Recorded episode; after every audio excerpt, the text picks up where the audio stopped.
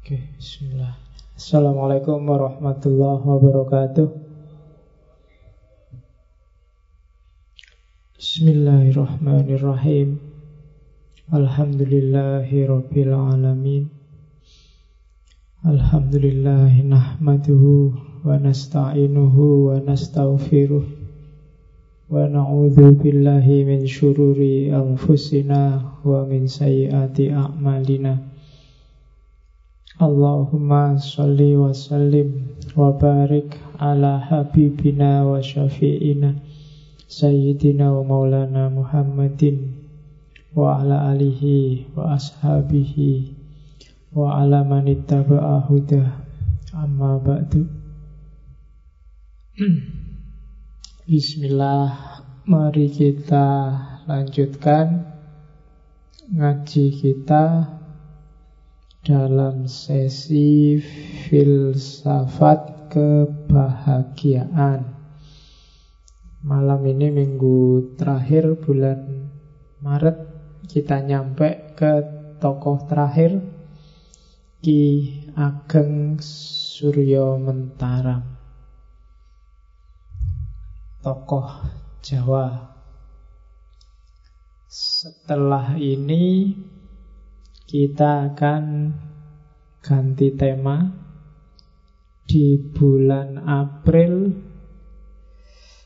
Temanya yang agak keras sedikit. Kita akan ngomong politik.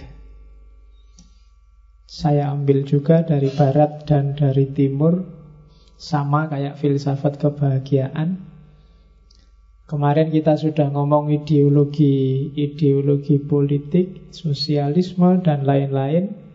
Kita lanjutkan itu di babak selanjutnya. Sama mungkin kita ambil empat aja. Yang teori-teori yang agak alternatif.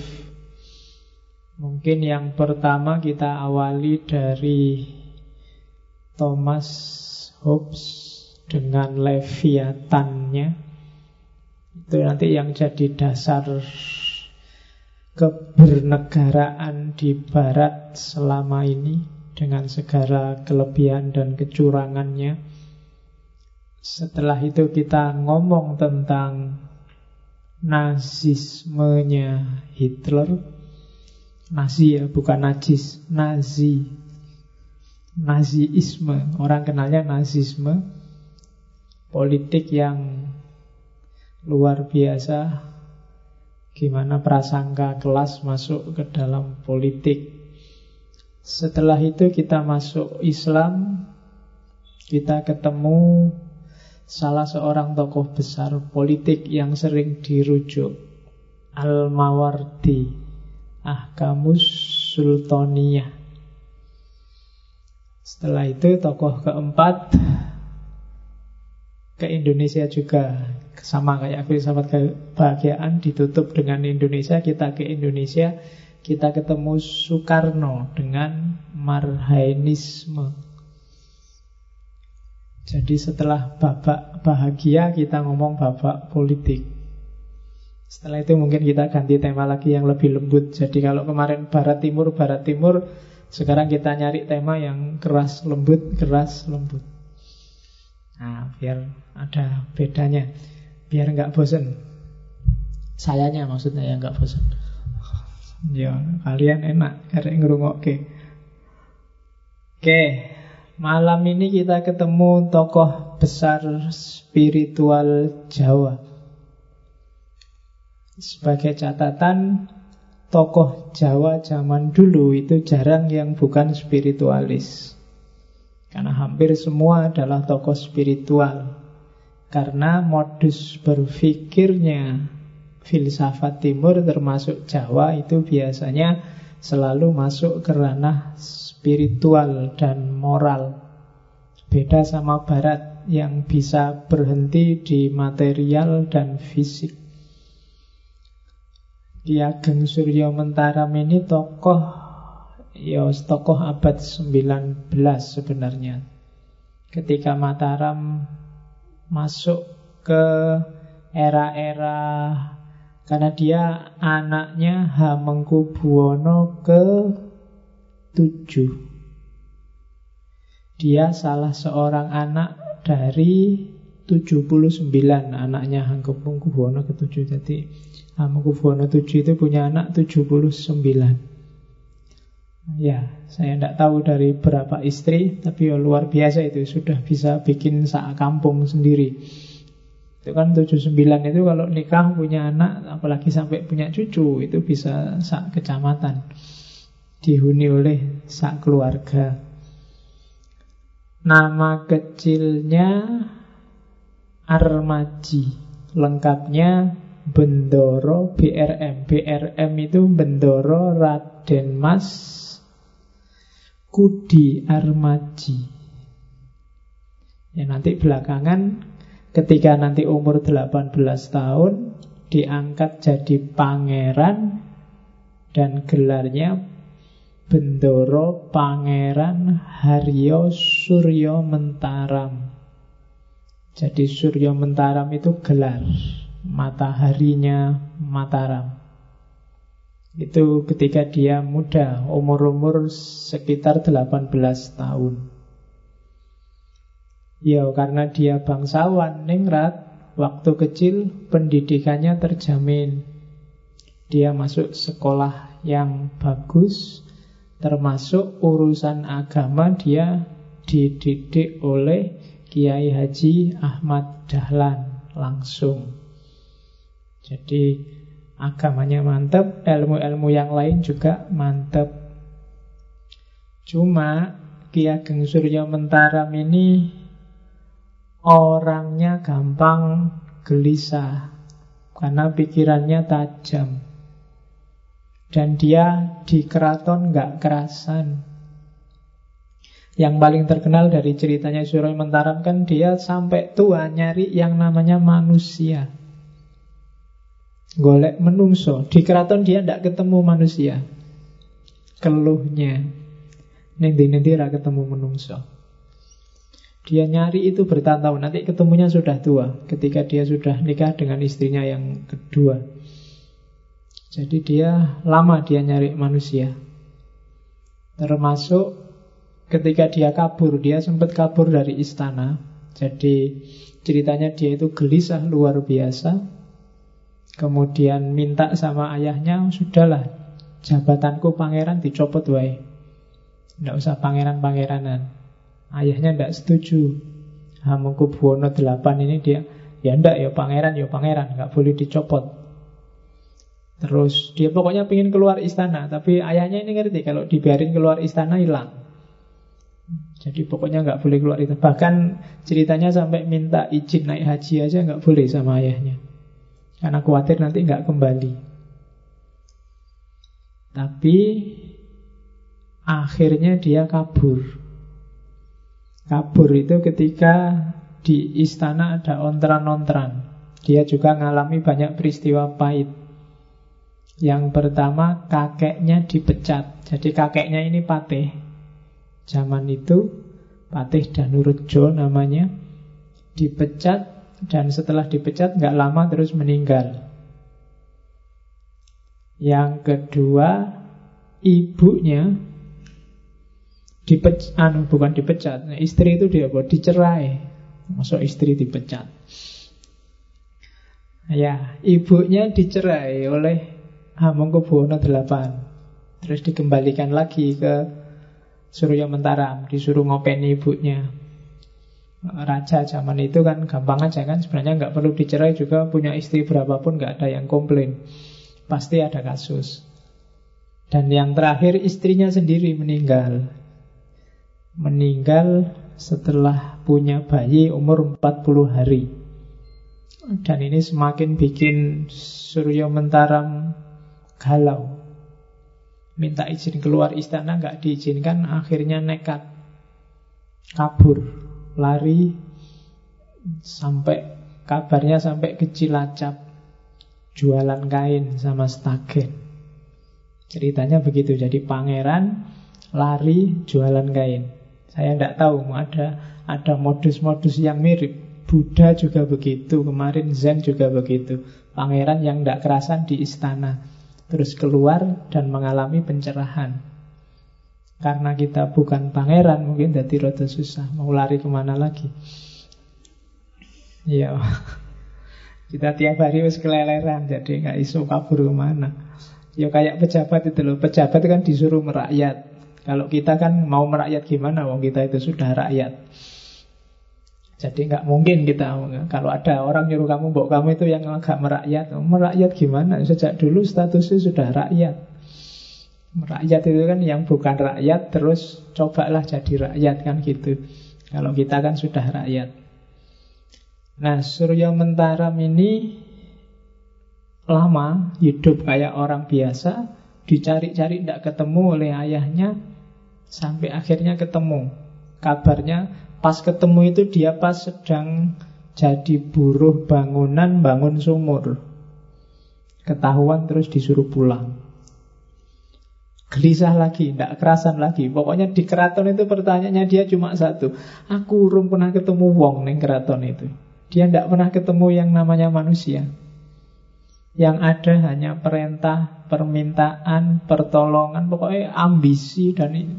Orang yang sejati dia tidak ketemu Itu yang tiap hari bikin dia gelisah Sampai nanti Hamengkubuwono VII meninggal Kakaknya yang meneruskan Hamengkubuwono VIII Dan Surya Mentaram Minta agar dicopot jabatannya Jadi pangeran dikabulkan Karena mungkin kakaknya ini ngerti Seperti apa kegelisahan Surya Mentaram Saat dia hidup di istana kalau kalian baca ceritanya yang yang khas itu waktu Hamengkubuwono VII meninggal, itu semua pangeran ikut mengiringkan sampai ke makam Imogiri. Pakaiannya juga pakaian kebesaran pangeran. Ya kayak kalian lihat waktu pawai-pawai itu hanya Surya Mentaram yang tidak mau pakai pakaian kebesaran pangeran. Dia pakai kopiah biasa, kemudian pakai jas putih, tembelan-tembelan kayak orang nggak punya itu tembelannya kabarnya warnanya biru terus bawa payungnya Cino itu payung kertas itu dikepit gitu sambil bawa jadi orang yang nggak ngerti mesti wah pangerannya ditinggal mati bapak itu terus stres sekarang. Jadi yang lain pakai kebesaran dia hanya pakai seragam semacam itu. Dan pulangnya terus dia beli soto sambil kelesehan sambil dan itu semakin menguatkan cerita. Jangan-jangan ini Suryo Mentaram ini memang stres. Cuma setelah keluar dari istana dia mulai pengembaraannya untuk mencari jawaban siapa manusia. Semua tirakat dilakukan. Baik tirakat versi kebatinan maupun versi agama-agama. Tidak cuma Islam, tirakat gaya Kristen juga dijalani. Dijajali satu-satu.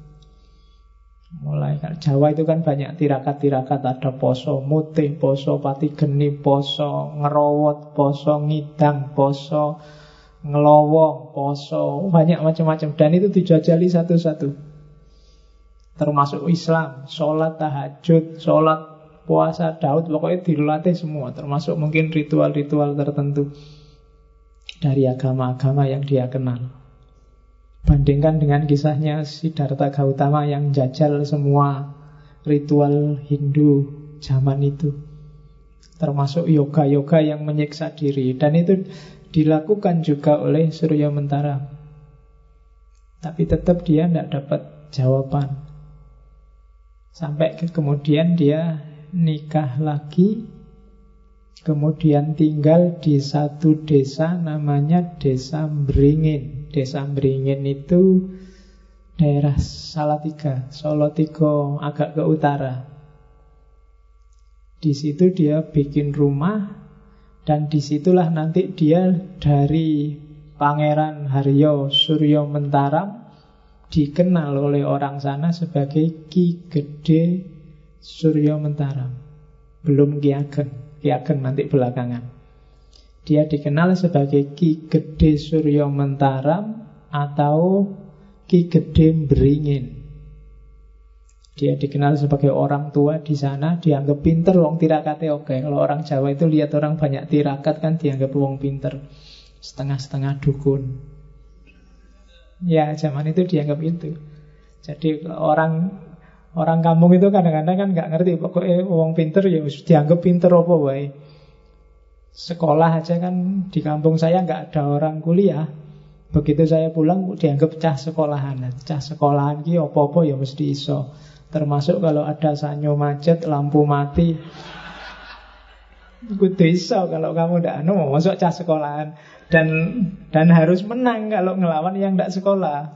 Kok cah sekolahan kalah sama yang ndak sekolah harus malu kamu. Nah itu logika di masyarakat Jawa. Zaman itu juga begitu.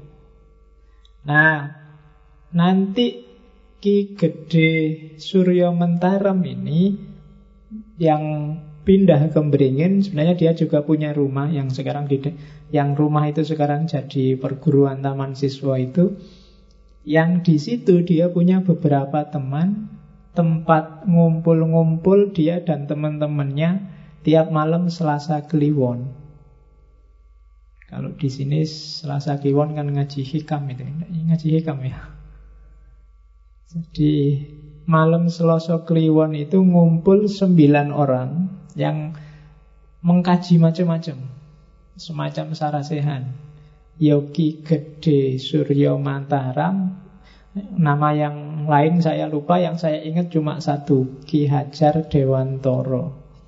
Itu teman diskusinya Masuk klub sembilan orang tokoh yang diskusi macam-macam. Zaman merajalelanya penjajahan Belanda zaman itu.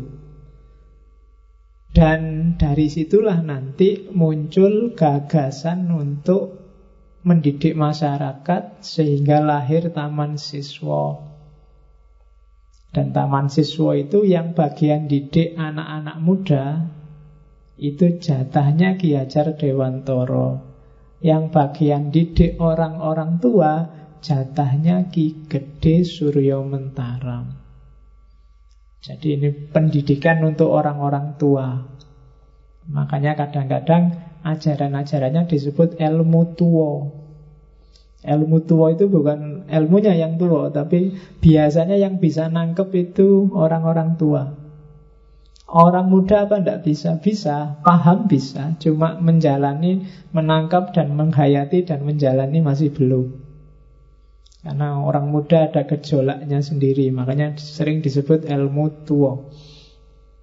Dan itu yang dari situlah nanti Ki Gede Surya Mantaram oleh Ki Hajar Dewantoro Diganti Ki Gedenya jadi Ki Ageng Suryo Mentaram dan salah satu tokoh sebenarnya perjuangannya penting Ki Ageng Suryo Mentaram dan kawan-kawan inilah nanti yang ketika ganti penjajahan Jepang Dia dan teman-temannya ngirim surat ke Jepang untuk dikasih fasilitas membentuk pasukan.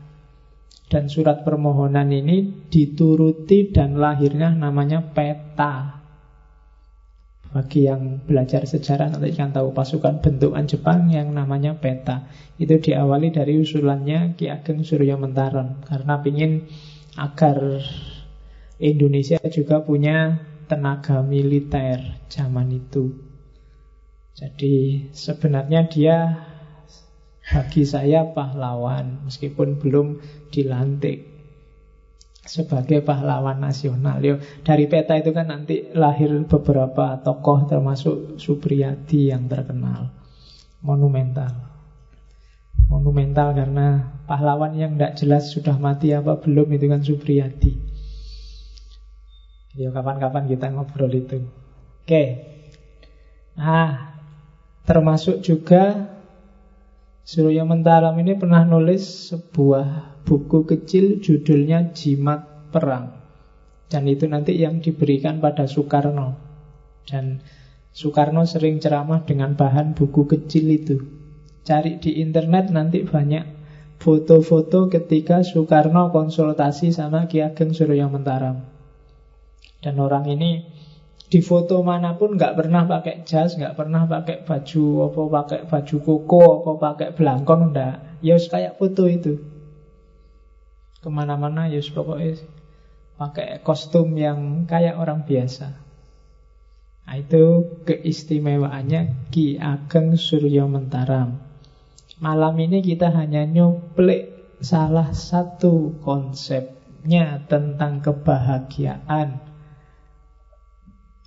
Kadang disebut sebagai kawruh bejo. Ya, jadi bejo itu bukan untung ya. Kalau kamu sering memahami bejo itu kan untung, tapi bejo itu sebenarnya hakikatnya bahagia.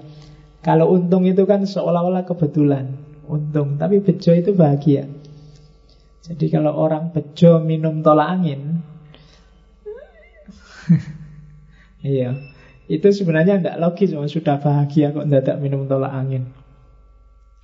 Kecuali kalau sudah minum tolak angin pasti bejo itu kalau berani pakai itu tidak apa-apa. Tapi kalau dibalik hanya orang bejo yang minum tolak angin itu yang secara logika banyak kontradiksi. Ah, kawruh bejo. Mungkin setelah malam ini bisa diingat-ingat semua kajian yang lalu nanti akan terasa bahwa baik filosof barat maupun filosof timur termasuk filosof Indonesia bahkan Jawa sebenarnya kebahagiaan itu letaknya di situ dan semacam itu. Mirip-mirip semua. Oke, kita lihat ya. Ada apa? Ini keywordnya. Kalau masuk ke Suryo Mentaram Sebenarnya cuma ini aja selesai Hidup itu yang paling enak Jangan berlebihan juga jangan kekurangan Sak butuhe Sak perlune Sak cukupe Sak benere Sak mestine Sak penake. Ya, ini nanti yang jadi iklannya salon pas itu kan. Opo-opo pas pingin opo pas pingin itu pas. Jadi sebenarnya ini seolah-olah sederhana dan gampang cuma problemnya adalah banyak orang yang tidak ngerti takarannya sendiri. Sak butuhmu itu berapa sih pasnya? Sak perlumu itu berapa, cukup bagimu itu berapa, benar versimu itu seperti apa, sak mestine yang seharusnya untukmu itu semacam apa, sak penae yang enak.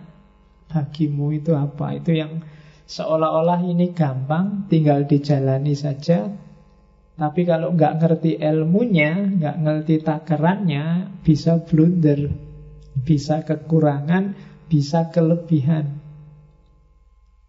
Misalnya seumur-umuran kamu ini, kira-kira seandainya dikasih uang, misalnya tak kasih, silahkan sebut jumlah uang yang kamu butuhkan. Itu kamu mesti ya kesusahan, ya satu bulan lah berapa butuhmu. Itu kan kamu ya pontang-panting sendiri ngitungnya. Biasanya kalau ada yang mau ngasih gratisan buat tambah-tambahi. Ya kira-kira 5 juta lah pak mesti. Padahal mungkin 500 ribu kamu cukup Sebulan Atau jangan-jangan 100 ribu cukup Ya Lo ya strateginya tuh ya Ya cara paling gampang nyari pacar yang kaya. Ya apa-apa ditraktir kan? Oke, zaman saya dulu di pondok kadang-kadang baru tanggal 10 duitnya tinggal 20 ribu. Mesti nggak nggak nyampe sampai akhir bulan. Strateginya gampang Karena di pondok tinggal mendekati teman-teman yang masak sendiri mendekati yang masak sendiri Seandainya masakannya matang Masa nggak ditawani? Kan mesti ditawani. Ya. Nah itu strategi. Nah Coba kamu kalkulasi ya untuk hidupmu sak butuhe sebenarnya kebutuhanmu itu berapa?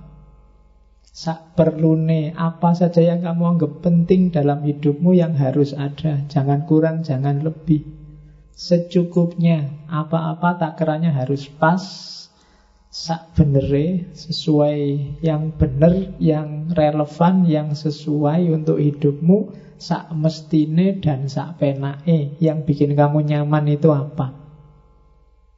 Ngaji kayak gini sak butuhe kira-kira lek dua jam kayak gini kesuwen apa ndak? Nah, Iya kamu enak, aku sing kesuwen. Iya. Terus sak perlune kan gitu sak perlune aja. Filsafat itu ya kadang jelimet, kadang gampang ya diambil aja seperlunya.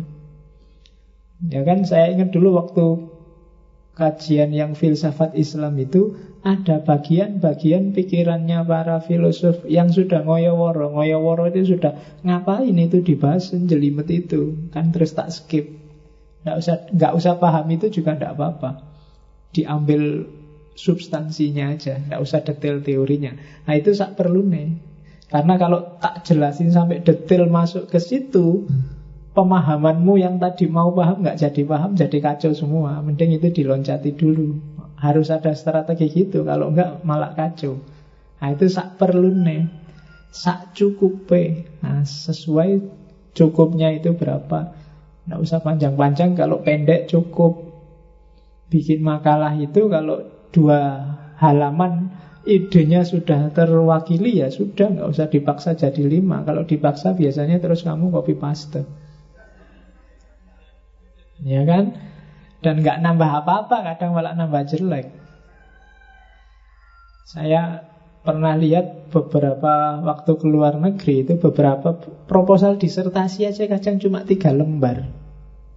Tiga lembar, jadi nggak neko-neko pokoknya targetnya, penelitiannya apa, dasarnya apa, mau pakai metodologi dan pendekatan apa, cuma tiga lembar itu. Oh, kalau di sini langsung dikembalikan. Tapi di sana bisa, karena mungkin tiga lembar itu sudah sudah proposal itu sebenarnya kan ingin janjinya penelitianmu maunya kayak gimana sih kan cuma itu. Kadang-kadang kan kamu ada proposal sampai 50 60 halaman. Nah itu ya sudah jadi tulisan, ngapain dibikin itu bukan proposal kalau saya ya itu wis tadi skripsi sudah jadi tesis itu segitu. Mesti lebih banyak bahasa basinya daripada intinya. Ya kan? Jadi Ya banyak bahasa basinya itu Orang yang tidak paham Tidak ngerti kamu nulis apa Orang yang paham teorinya Komentarnya mesti cuma satu Wis tahu Ya kan? Wis tahu itu mana yang baru. Kamu cuma ngutip sana ngutip sini. Bikin tesis apa bikin clipping? Ah, jadi hidup itu sak cukup sak bener Sesuai apa yang kamu yakini benar, ya di situ kamu hidup. Kalau enggak, akan jadi masalah. Dosisnya harus pas tiga kali sehari, apa tiga hari sekali kan harus pas. Kalau kebalik ciloko. Sak mestinya dan sak pena e mana yang bikin nyaman. Ini rumus. Jadi hidup itu ya sak butuhe, sak perlune, sak cukupe, sak benere, sak mestine, sak penake. Nah, 6 sak, 6 S. Oke, ini rumusnya katanya Surya Mentara. Terus dari situlah nanti Surya Mentara mikir ukuran-ukuran tadi, takaran-takaran tadi. Kalau dalam bahasa ilmiah, gayanya Suryo Mentaram itu gaya reflektif. Jadi refleksi itu tidak sekedar mikir pakai akal. Refleksi itu kayak kontemplasi. Kalau dalam Islam muhasabah. Muhasabah itu tidak sekedar pakai akal. Pakai rasa, pakai intuisi, pakai imajinasi juga main. Dan gayanya Surya Mentaram itu kalau bahasa filsafat namanya rasionalitas yang reflektif. Beda sama Barat, kadang-kadang beberapa filosof Barat itu ketika ngomong rasionalitas, rasionalitasnya biasanya rasionalitas yang egoistik. Rasionalitas yang hanya akal saja dan kalau itu akal saja biasanya cari menangnya sendiri. Pikiranku lebih benar daripada pikirannya orang lain. Itu biasanya rasionalitas yang egoistik. Hari ini hampir semua pemikir, apalagi yang tampil di TV atau nulis di internet itu gayanya biasanya rasional. Eh rasional cuma egois. Karena waktu mikir yang terlibat hanya akal. Kalau akal itu kan satu-satunya jalannya biasanya pakai logika. Dan kalau logika itu biasanya hitam putih. Setengah lebih kecil dari satu. Satu lebih kecil dari dua. Itu kan logika. Jadi kalau orang hanya pakai akal, hasilnya ya memang aku yang benar, yang lain mesti salah. Karena kalau ada yang ngomong beda dari setengah lebih kecil dari satu, dia pasti salah. Di situ kuncinya, bukan berarti setengah lebih kecil dari satu itu ada salahnya, cuma itu hanya pakai akal saja. Kalau pakai rasa, kadang lihat konteks itu bisa jadi setengah nggak lebih kecil daripada satu. Itu kan kayak ceritanya Konfusius sama muridnya yang dulu pernah tak ceritain waktu sesinya Konfusius itu kan. Jadi suatu ketika ada pedagang yang debat sama muridnya Konfusius. Katanya pedagang itu Tiga kali tujuh itu dua puluh tujuh. Katanya muridnya Konfusius, lu sampai kok bodoh mana SD kelas berapa? Nggak ngerti. Tiga kali tujuh itu ya dua puluh satu. Tapi yang enggak, enggak tiga kali tujuh itu dua puluh tujuh, dua puluh satu, dua puluh tujuh. Geran lama terus udahlah Ditanyain gurumu aja, Konfusius. Dia mesti jawabnya 27. Taruhan ya. Kita kalau kamu benar, penggal kepalaku. Cuma kalau aku yang benar, kamu tak cambuk 10 kali. Wis, karena dia yakin banget nek bener kan? Akhirnya begitu ketemu Konfusius, ditanya, "Guru, berapa tiga kali tujuh?" Jawabannya Konfusius ya 3 kali 7 ya 27. iya guys. Pusing muridnya ini guru stres ini. Oh, kemarin bilangnya 21, sekarang bilangnya 27.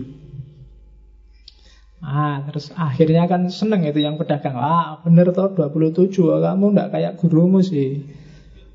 Akhirnya sudah kamu dicambuk 10 kali.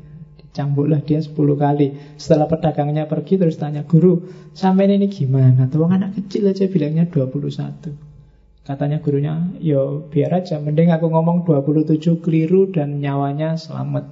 Daripada aku ngomong 21 Dia salah, kita kehilangan satu nyawa. Jadi itu rasionalitas yang reflektif. Nggak cuma lihat mana benar mana salah secara akalnya cuma situasinya lah taruhannya nggak imbang satu tukar kepala satu cuma campur 10 kali. Nah, ya kan? Itu namanya mikir pakai rasa pakai imajinasi harus main. Hidup itu kalau versinya Surya Mentaram ya rasionalitasnya nggak boleh. Rasionalitas logis rasionalitas egois. Kalau hanya itu hasilnya mesti konflik Orang merasa benernya sendiri masing-masing.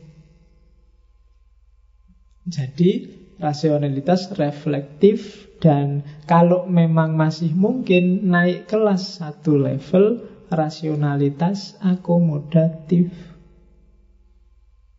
Rasionalitas akomodatif itu ya mikir nyari bener semua fakultas pemikiran fakultas caramu bisa menangkap pengetahuan baik intuisi naluri digunakan. Setelah itu dibuka tidak kaku akomodatif. Kalau ada orang punya pandangan berbeda kalau ada orang punya versi sendiri ya monggo kita bisa nerima. Nah itu namanya rasionalitas akomodatif. Jadi ada rasionalitas egois. Kalau bisa naiklah kelas jadi rasionalitas reflektif. Kalau mungkin naiklah satu step lagi ke rasionalitas yang akomodatif. Jadi nggak sekedar nyari kebenaran tapi juga bisa menerima apa pun kebenaran yang ditemukan orang lain. Nggak sekedar merasa benernya sendiri pakai akal, tapi juga ngejar kebenaran pakai variabel yang lain, mungkin pakai naluri, pakai intuisi. Pakai naluri itu misalnya kok tiba-tiba ibumu dari kampung nelpon, aku kok ketok-ketok nawakmu terus yo. Jangan-jangan sedang sakit. Ah, itu mungkin kamu jawab, ala ibu itu nggak rasional. Nggak masuk akal. Lah ya kan mesti gitu kan. Yo yo itu naluriah namanya. Jadi perasaannya seorang ibu. Jadi rasionalitas itu harus perhatikan level-levelnya. Yo rasionalitas yang egoistik tadi kadang-kadang juga untuk hal tertentu yo dipakai. Cuma nggak selalu. Setelah dari egoistik harus naik ke reflektif.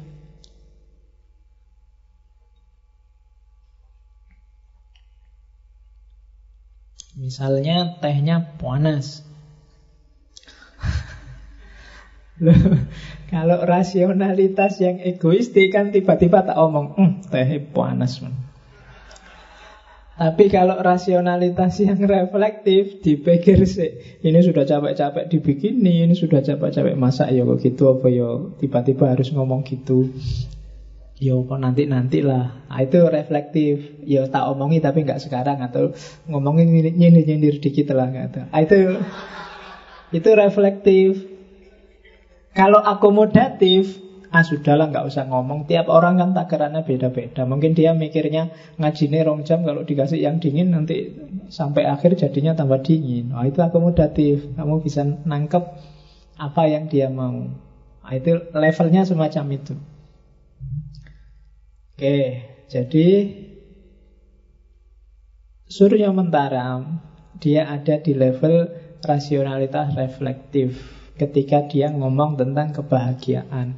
Karena dia masih nyampe ke kebahagiaan individu. Meskipun nanti di ujung dia masuk ke rasionalitas yang akomodatif. Memahami semua orang yang lain sesuai dia memahami dirinya sendiri Nanti Surya Mentaram ini merasa tercerahkan, menemukan Jadi ceritanya satu ketika dia sedang tidur sama istrinya istrinya sendiri sama istrinya orang lain. Jadi tiba-tiba terus dia bangun. Ah, ketemu sekarang. Bertahun-tahun sejak umur 18 tahun gelisah nyari manusia. Ternyata ketemu sekarang. Istrinya kan cuma bengong aja iki wong iki waras apa ndak. Jadi Tiba-tiba ngomong sendiri tidak sendiri ketemu sekarang. Terus istrinya tanya, "Lo ketemu itu ndi terus saiki menungsone?" Ya iki menungsone itu. Ya Surya mentaram yang tiap hari gelisah, tiap hari sumpek, tiap hari nyari menungso, ya dialah sendiri manusia itu. Jadi itu persis kayak Rene Descartes yang Aku itu ada apa enggak sih? Akhirnya ketemunya kan dirinya sendiri. Ada, ya aku ini. Buktinya ada aku apa? Ya yang mikir aku itu ada apa tidak tadi. Berarti apa? Ada yang mikir. Kalau ada yang mikir berarti kan Ada buktinya Aku ada yaitu yang mikir tadi Yang sedang meragukan tadi Nah mirip itu Surya Mentara merasa Ya yang gelisah tadi yang tiap hari nyari jawaban, yang tiap hari sumpek tadi. Itulah dia manusia. Cuma tidak kayak dekat, dia terus loncat ke ranah spiritual bahwa untuk memahami diri, untuk nemu orang, maka orang harus bisa ambil jarak dan lihatlah dirimu sendiri. Jadi kayak keluarkan dirimu dari dirimu, terus tolehlah lihat dirimu sendiri. Di situ kamu akan ngerti siapa dirimu. Di situ kamu akan ketemu pengetahuan sejati, ketemu manusia. Selama ini tidak ketemu manusia karena jadi satu terlibat. Kamu tidak ngambil jarak. Ilmu itu bisa dipahami kalau ada jarak. Sesuatu itu bisa diketahui kalau ada jaraknya. Termasuk tentang diri. Muhasabah itu kan kamu agak misah dari dirimu terus mikir, ngapain tadi aku ya? Seharian ini apa yang sudah aku lakukan itu kan muhasabah. Itu kan namanya ngambil jarak. Di situ kamu ketemu dirimu. Ya kalau kamu wajahmu nempel di tembok itu, kamu tidak akan ngerti tembok itu warnanya hijau mateng apa hijau muda. Nggak jelas. Kalau sama pacarmu sedang nempel itu nggak jelas cakep apa jelek sama saja. Oh iya kan, cakep itu kelihatan kalau ada jarak. Ya paling tidak dikit-dikit lah. Kalau nempel itu ndak ndak penting lagi sudah. Cantik apa ndak cantik wis padha.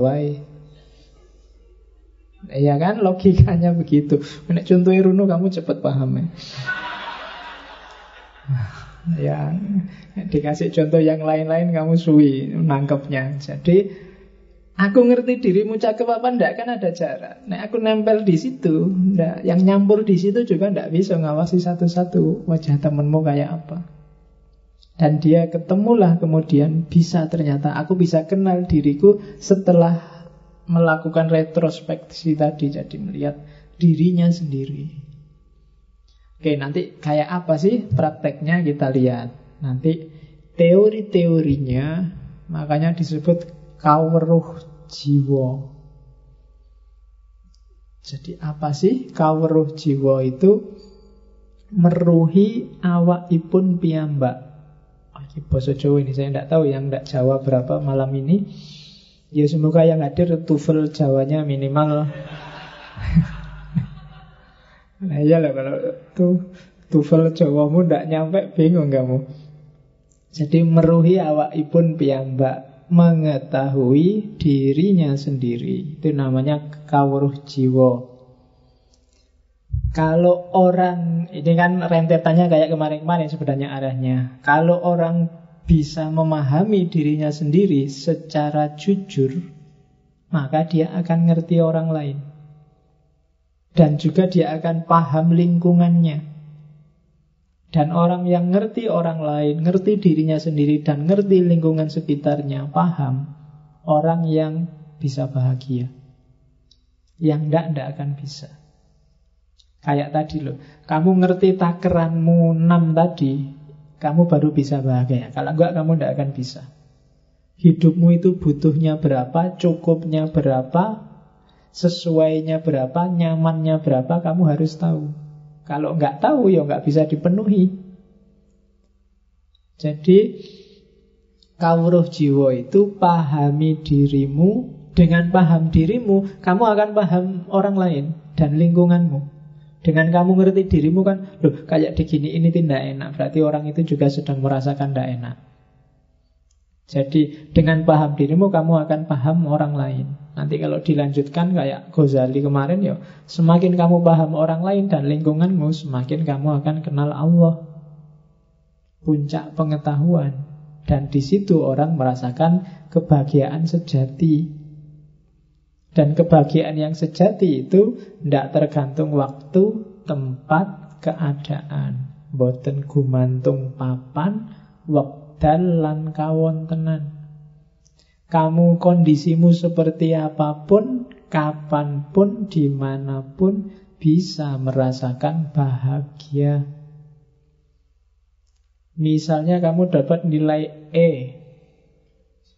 Contohnya, Dapat nilai E itu kan bikin kamu galau luar biasa. Tapi kalau kamu ngerti sebab musababnya, hakikatnya, galaumu mungkin berkurang. Oh iya, neng aku dapat E ya wajar saja. Wong dosennya ngomong apa aku ndak paham, dikasih soal ndak bisa jawab, tugas ndak garap, masuk juga jarang-jarang. Oh, berarti E itu masuk akal.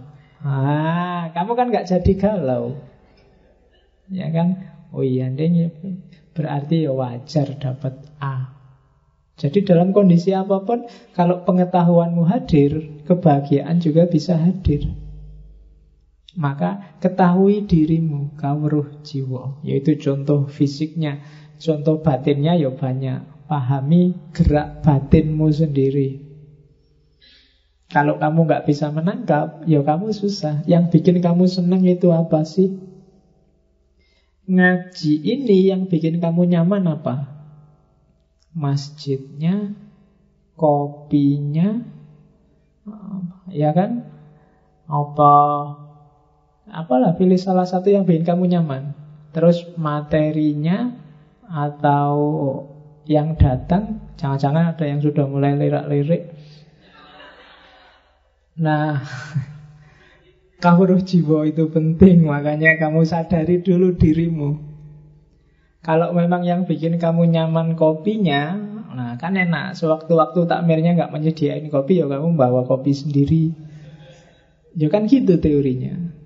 Jadi kalau yang bikin nyaman materinya ya Misalnya kamu, wah ini materinya kok gitu terus Pinginnya materi ini, usul aja Pak mau materi ini sekali-sekali ya Nah, itu biar kamu nyaman. Kenapa kamu bisa usul? Karena kamu ngerti yang kamu mau.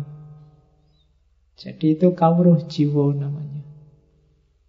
Dengan itu kamu akan bisa bahagia. Kalau yang bikin nyaman kamu kopi, terus takmirnya nggak ngasih-ngasih kopi, dan kamu diem aja nggak bawa kopi, pasti ngaji ini bikin kamu nggak nyaman. Nggak bahagia kamu ngaji karena nggak ada kopinya. Jadi teori hidup itu semacam itu katanya Surya Mentaram. Ketahui dirimu. Kauruh jiwa itu kalau pakai Sokrates ya kenali dirimu. Semakin kamu kenal dirimu, semakin kamu mungkin bahagia. Tapi semakin jauh pengenalanmu atas dirimu, semakin jauh juga dari kebahagiaan. Terus teorinya lagi dikenal dari Surya Mentaram namanya pangawian pribadi. Jadi pangawian pribadi itu pelajaran tentang diri sendiri. Barang siapa mempelajari dirinya sendiri, sebenarnya dia sedang mempelajari manusia dan kemanusiaan semuanya. Jadi Nggak usah jauh-jauh belajar tentang manusia dan mencari manusia, pelajari dirimu. Kesalahannya Suryo Mentaram selama ini, dia nyari manusia keluar dari dirinya sendiri. Padahal manusia itu ada dalam dirinya sendiri. Makanya tiba-tiba tidur terus bangun. Ah, ketemu sekarang. Selama ini terlalu sibuk nyari keluar. Dianggapnya yang bikin nyaman itu sesuatu yang di luar diri. Padahal enggak. Yang bikin nyaman itu dirimu sendiri. Maka pelajarilah pangawian pribadi. Pelajarilah dirimu sendiri. Pelajarilah hakikat dirimu. Dan hiduplah, katanya Surya Mentaram, saiki ing kene lan ngene. Jadi kunci pertama pengawian pribadi itu kita harus hidup sekarang di sini dan begini. Sekarang berarti nggak harus galau karena masa lalu dan khawatir tentang masa depan. Engkene berarti hiduplah di sini kalau kamu hidup di Jogja dan pikiranmu di kampung, pasti kamu tidak bahagia. Nikmati kedisinianmu. Nah, itu susah ya bahasa Indonesia kedisinian itu. ya. Pokoknya nikmati hidupmu sekarang di sini. Kadang-kadang kan kebolak-balik kita waktu di Jogja terbayang-bayang kampung halaman. Waktu mudik di kampung halaman Pingin cepet-cepet neng Jogja. Kapan senengnya?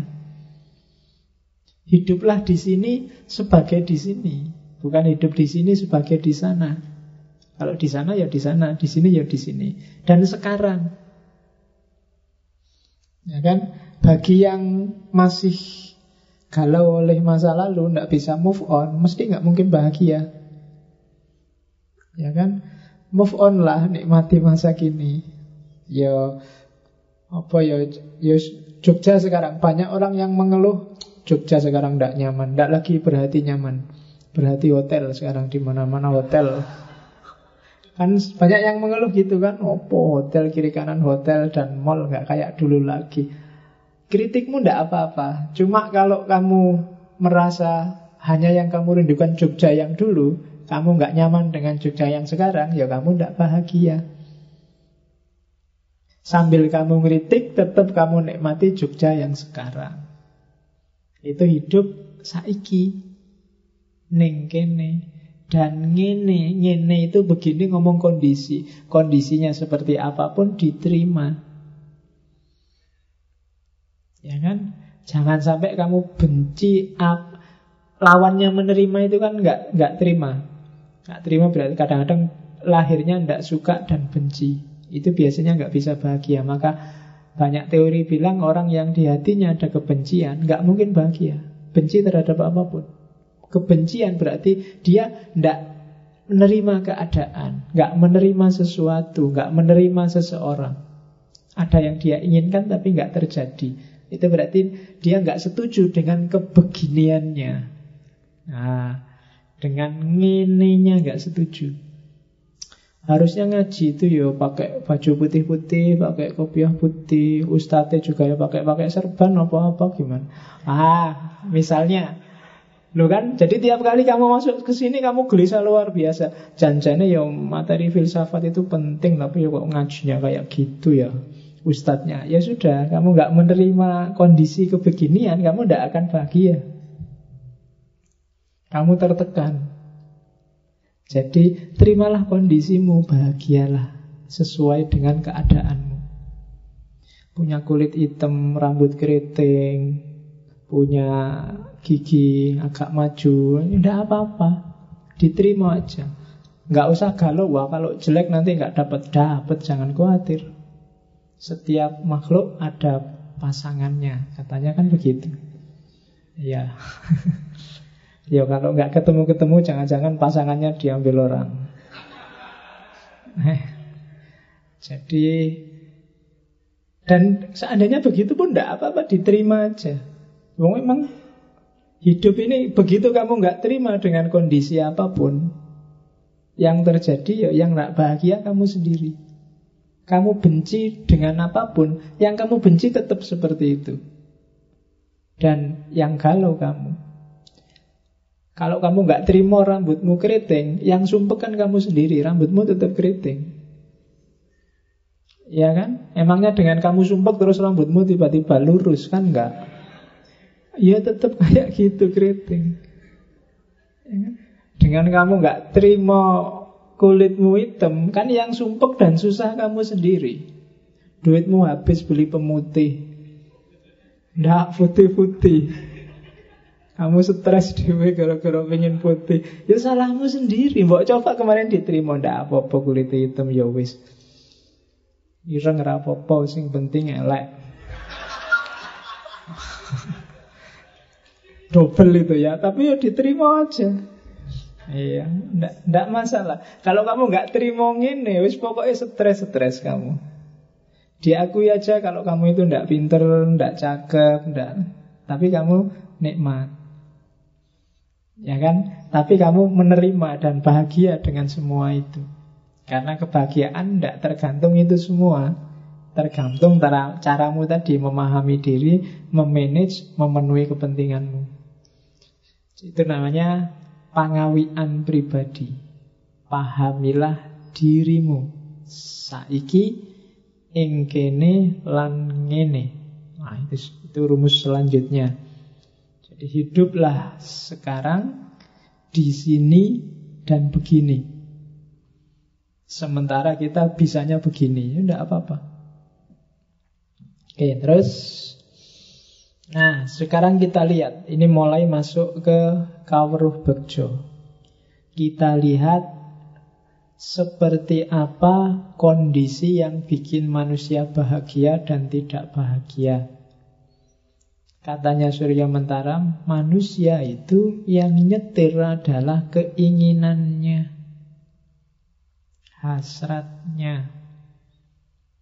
Nah, Di kalimat-kalimat awal Kawroh Bejo itu Kalau diterjemahkan kalimatnya itu Di atas bumi dan di kolong langit ini Tidak ada barang yang pantas dicari Dihindari atau ditolak mati-matian Meskipun demikian, manusia tentu berusaha mati-matian untuk menghindari, mencari, atau menolak sesuatu.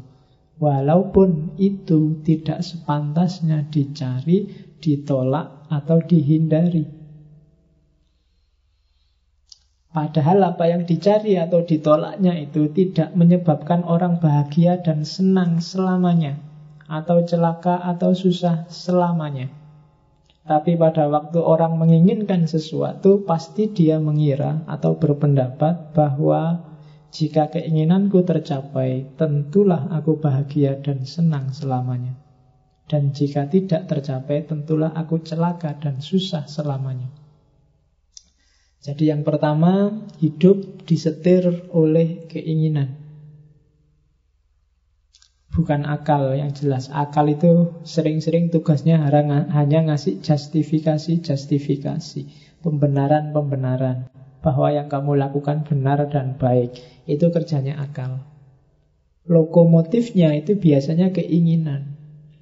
Sumbernya keinginan ada yang bilang hati pak, ya hati sumbernya. Tapi dari hati timbul hasrat. Di situ muncul keinginan. Dan keinginan inilah nanti sering jadi sumber masalah. Maka harus pas dosisnya. Banyak orang kayak dinarasikan itu nganggap Keinginan itu final, pokoknya harus. Baik itu keinginan nyari atau keinginan nolak. Mati-matian. Seolah-olah kalau sudah nolak atau mencari menginginkan sesuatu, kalau itu tercapai, dia akan bisa bahagia. Jadi kalau sudah target pokoknya harus A, pokoknya harus B atau pokoknya jangan A, pokoknya jangan B. Ini biasanya manusia itu mati-matian demi pokoknya tadi. Dan ini sering jadi sumber masalah. Harus Ahok, sekarang kan rame itu. Atau jangan sampai Ahok. Ya kan? Berapa besar energi dan biaya yang dikeluarkan orang untuk harus Ahok atau anti Ahok? Itu kan mencari atau menolak sesuatu. Seolah-olah kalau sudah Ahok, beres semua urusan Jakarta. Atau seolah-olah kalau tidak Ahok, Jakarta akan lebih baik dari Ahok. Itu yang dikritik oleh Surya Mentaramu. Apa iyo? Ahok yang terbaik pak. Harus Ahok. Apa iya? Jangan Ahok pak. Ahok itu non muslim Yang lebih diridhoi Allah itu yang muslim. Apa iyo Loh, suka boleh, nggak suka boleh, tapi di situ yang dianggap keliru adalah kalau kamu mati-matian, seolah-olah itu final, padahal mungkin baru perempat final atau semifinal. Jadi belum puncak, itu belum final, jangan-jangan masih penyisian itu. Jadi Tidak Orang boleh ingin sesuatu atau tidak ingin sesuatu. Cuma hati-hati Jangan dipatok terlalu mantep Apalagi sampai mati-matian. Di situ nanti sumber PHP Ya PHP itu kan sumber kegalauan yang paling besar Bikin kamu. Kemarin di Arpar Papa ternyata enggak. Besok yang sangat pro Ahok Tiba-tiba Ahok jadi dan ternyata banyak kasus kamu akan galau lagi. Salah kemarin terlalu mantep. Atau sebaliknya akhirnya yang jadi bukan Ahok dan Muslim taat tiap hari istighosah tahlil khataman yasinan Lu kan muslim yang baik gitu kan Akhirnya ndak ngopeni Jakartanya malah rusak Dan oh iya ya masa kemarin milih yang gini Ya salahmu dewe matok harga terlalu tinggi, terlalu mantep, mati-matian. Suka oke, okay, ndak suka oke, okay, nyari boleh, nolak boleh, cuma jangan sampai ditambah persepsi Pasti kalau ini mesti benar, mesti bahagia. Pasti kalau itu mesti benar, mesti bahagia. Itu sumber masalah. Pokoknya Pak, IP harus 4. Pasti kalau IP 4 hidupku terjamin Pak. Ya kamu lulus IP 4 ya bodoh Pak ya akhirnya ya. Daftar apa-apa ya bodoh di tesnya dan nggak lulus, yang IP-nya 2 malah lulus. Ya, dulu saya punya temen IP-nya cuma 2,1 Pulang kampung ke Riau Riau apa ya rumahnya saya lupa. Pokoknya daerah Sumatera Dan jadi dosen. Oh, luar biasa. Yang IP-nya tertinggi Malah tidak nyampe. Sekarang jadi guru honorer. Nah, Loh, jadi tidak bisa dipatok. Bukan salah jadi guru honorer Atau nggak salah jadi dosen Tapi nggak bisa kamu matok keinginan terlalu mantep. Keinginan iya Cuma terlalu mantepnya ndak Wong yang bikin skenario bukan kita. Kita boleh ingin Tapi kan penentu hasilnya dan akibatnya kan bukan kita. Seolah-olah Pak pokoknya kalau sudah punya pacar Pak Hidupku lebih tentrem, tidak galau lagi, tidak sumpek lagi. Nah, Iya kan? Ya cari sopo kan gitu yang yang punya pacar Yang belum punya nggak usah komentar. Wong kamu tidak ngerti Ya kan? Tapi mungkin setelah dapat beneran ya tidak sampai segitunya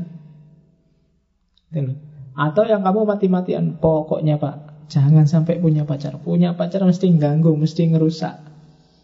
Ya karena kadang-kadang energimu untuk nolak biar nggak pacaran itu lebih besar daripada energimu untuk belajar untuk itu. Jadi kontraproduktif. Waktumu habis untuk ngempet biar nggak pacaran. Nah, itu juga kan, maka jangan mati-matian deh. Kadang-kadang kalau belum jatuh cinta itu kamu anti pacaran nggak apa-apa, tapi kalau sudah jatuh cinta itu energinya dua kali lipat untuk ngempet biar nggak pacaran. Jadi keinginan, hati-hati dengan keinginan. Keinginan yang terlalu kamu harga matikan itu kadang-kadang destruktif terhadap dirimu sendiri. Kadang-kadang bikin kamu jatuh, salah jalur. Kadang-kadang karena terlanjur gengsi, sudah terbukti bahwa keinginanmu itu keliru, kamu paksa di situ. Yang tadi misalnya pokoknya harus Ahok, sudah terbukti misalnya Ahok itu jeleknya banyak atau harus tidak Ahok, harus yang muslim. Sudah terbukti bahwa calon muslim itu tidak karu-karuan. Tapi karena sudah terlanjur kamu ngomong ke mana-mana, kamu patok dan gara-gara gengsi, kamu tetap ada di kubu ini. Dan itu yang sering jadi blunder kita. Tadi sudah terlanjur ngomong apa, sekarang kalau ditarik gengsi ya. Dianggap tidak konsisten. Akhirnya kamu tetap di kubu itu padahal sudah jelas salahnya. Dan itu sumber ketidakbahagiaan. Kamu akan sumpek karena dirimu sendiri. Jadi itu teori bahagia kedua pertama. Jadi hati-hati dengan keinginan. Wujudnya keinginan itu kalau di teorinya Surya Mentaram ada tiga nyari semat, derajat, keramat. Semat itu kekayaan, kesenangan, biasanya sifatnya fisik. Sementara kalau yang derajat itu keluhuran, kemuliaan, keutamaan. Dan yang ketiga, keramat.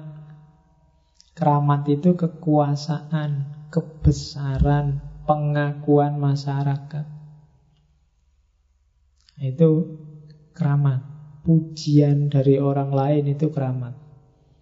Diakui atau tidak, keinginanmu wujudnya tiga itu ada orang yang terpesona oleh semat, ada orang yang terpesona oleh derajat, ada orang yang terpesona oleh keramat. Semat itu kekayaan, kecantikan, kesenangan itu semat. Kamu yang menghabiskan uang banyak untuk dandan itu smart, nyari kecantikan. Kamu yang tiap hari fitness biar kelihatan perutnya six pack itu nyari smart ya. Terus lo iya itu kan keinginanmu kan biar tubuhmu anu toh kotak-kotak semua tuh. Terus yang kedua derajat nyari keluhuran, nyari kebanggaan. Belajar ah biar pinter, biar ah itu nyari kebanggaan. Latihan keterampilan ah biar nah, biasanya itu urusan derajat. Ranking itu derajat. Jadi ada yang nyari semat, ada yang nyari derajat. Ini derajat Jawa ya, bukan derajat Indonesia atau Inggris. Bukan derajat Celsius atau Fahrenheit. Terus yang ketiga keramat. Keramat itu status sosial. Kadang-kadang orang mengorbankan semat demi keramat. Mau nyalon gubernur, jual rumah, jual mobil, nah itu mengorbankan semat demi keramat. Jadi wujud keinginan itu semat, derajat, keramat. Apa enggak boleh? Boleh. Cuma jangan ketipu dan jangan mati-matian tadi. Ketipu itu ya mengorbankan yang tidak penting, ya mengorbankan yang penting untuk hal yang tidak penting. Dan jangan mati-matian. Tidak mesti kok kalau ilmumu tinggi, derajatmu, kemuliaanmu, Pasti karena kadang-kadang ilmumu hanya untuk pamer, hanya untuk biar orang ngerti kalau kamu pinter. Jadi derajatmu nggak naik meskipun ilmumu tambah. Keramat juga begitu, nggak mesti kalau orang ketemu kamu cium tangan, kalau orang muji-muji kamu terus kamu itu hebat di mata mereka. Banyak yang sekedar basa-basi. Ya kan? Jadi keramat. Kalau kamu posting foto di Facebook, Instagram, WA, terus semua temenmu jempol, itu kadang-kadang bukan berarti bahwa mereka muji kamu atau suka padamu, bukan berarti kamu keramat. Ya, jadi itu ya mungkin terpaksa aja. Kalau nggak dikasih ya gimana, kalau nggak ada ya gimana. Jadi Wujud keinginan itu tiga Semat, derajat, keramat Teori selanjutnya Dia punya teori molur dan mungkret. Ya agak susah. Ya ini teori luar biasa dari Surya Mentaram Jadi kebahagiaan itu sifatnya mulur dan mungkret. Mulur, mulur itu gini loh. Ah ini mulur Kalau mungkret itu mengkerut gini. Kok kamu ketawa? Isi kepalamu apa? Oke, jadi molur itu katanya Surya Mentaram, kebahagiaan itu sifatnya molur. Kamu tadi target apa? Begitu targetmu kena, biasanya nggak berhenti di situ, kamu nambah. Tidak pernah manusia itu mandek dengan keinginannya, selalu nambah. Ya kayak tadi loh, misalnya saya targetnya IP, yang penting kumlot lah Pak. Terus kamu kumlot 3,5, tapi masih ada 3 semester. Ini 3,5, ini bisa dinaikkan jadi 3, 3,79 lebih enak ini. Selalu begitu, nggak pernah sudah. Punya pacar misalnya. Tadi pokoknya punya pacar syukur lah Pak. Dapat beneran. Biasanya nggak berhenti di situ. Eh, ternyata aku laku ya. Kan terus mikirnya gitu kamu. Jangan-jangan masih ada yang lain yang mau. Lo tadi jari ini yang penting ono. Saya ini mulai milih. Kan selalu begitu.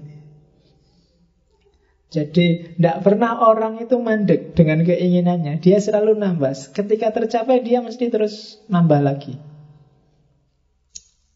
Asal punya rumah itu syukur pak.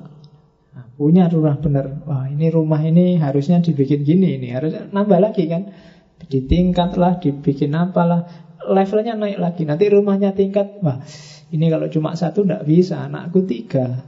Oh, ini harus punya lagi ini kan, tidak pernah mandek. Orang selengkap Abu Rizal Bakri kan masih pingin nambah lagi, nambah lagi, nggak pernah berhenti.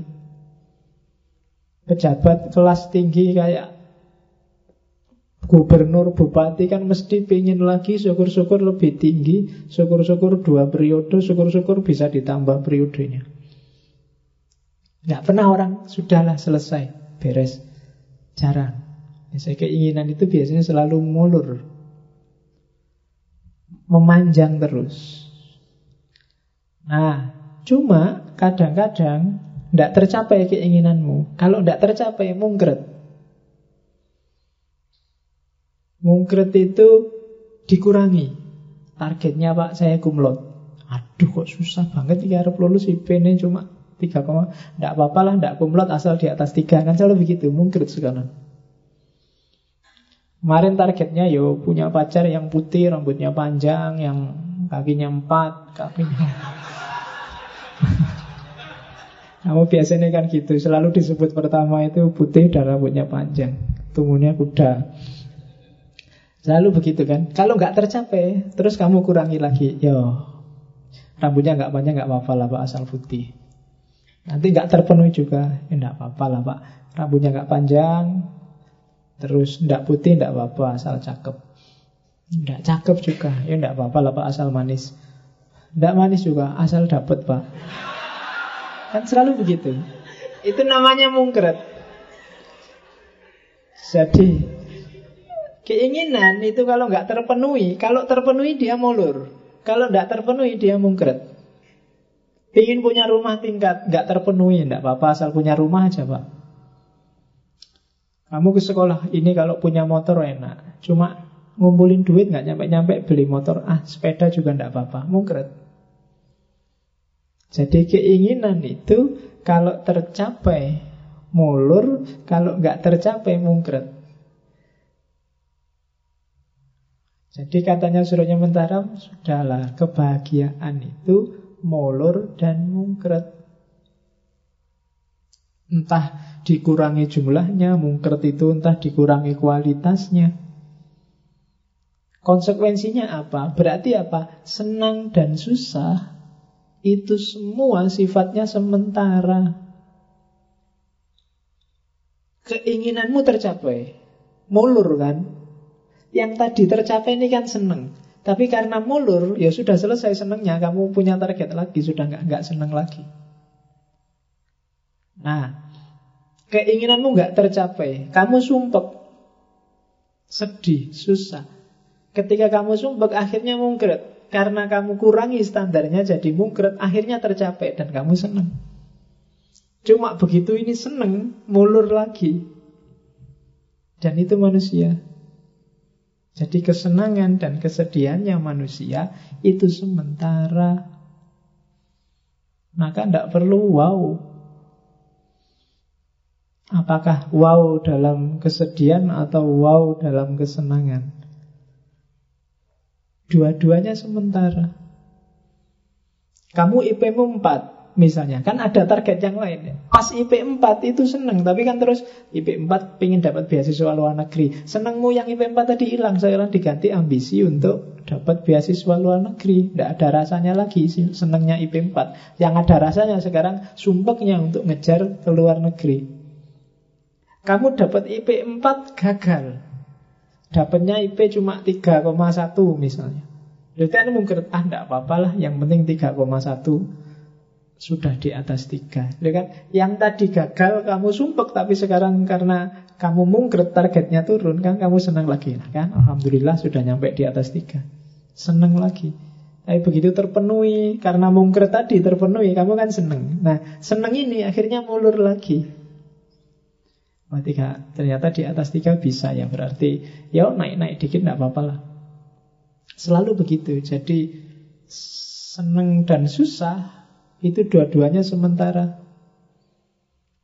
Jadi itu teori pertama, teori mulur dan mungkret. Implikasinya ke kesementaraan seneng dan susah.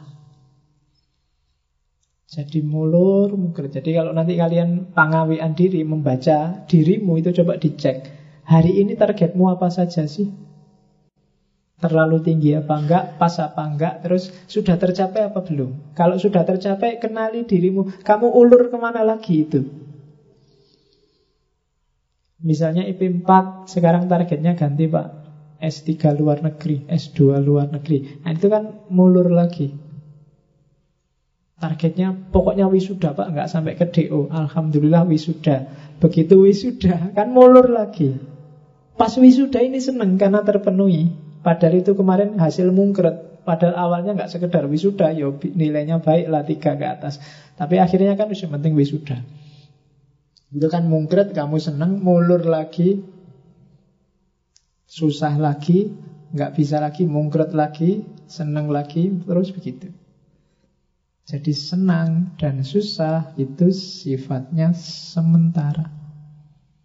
Maka tidak harus kamu dikacaukan hidupmu oleh kesenangan dan kesusahan. Tidak usah galau, nggak usah terlalu senang juga terlalu sumpek. Nggak usah terlalu wow. Oke, nah sekarang hubungannya sama orang lain. Jadi rumusnya tadi ya, mulur dan mungkret.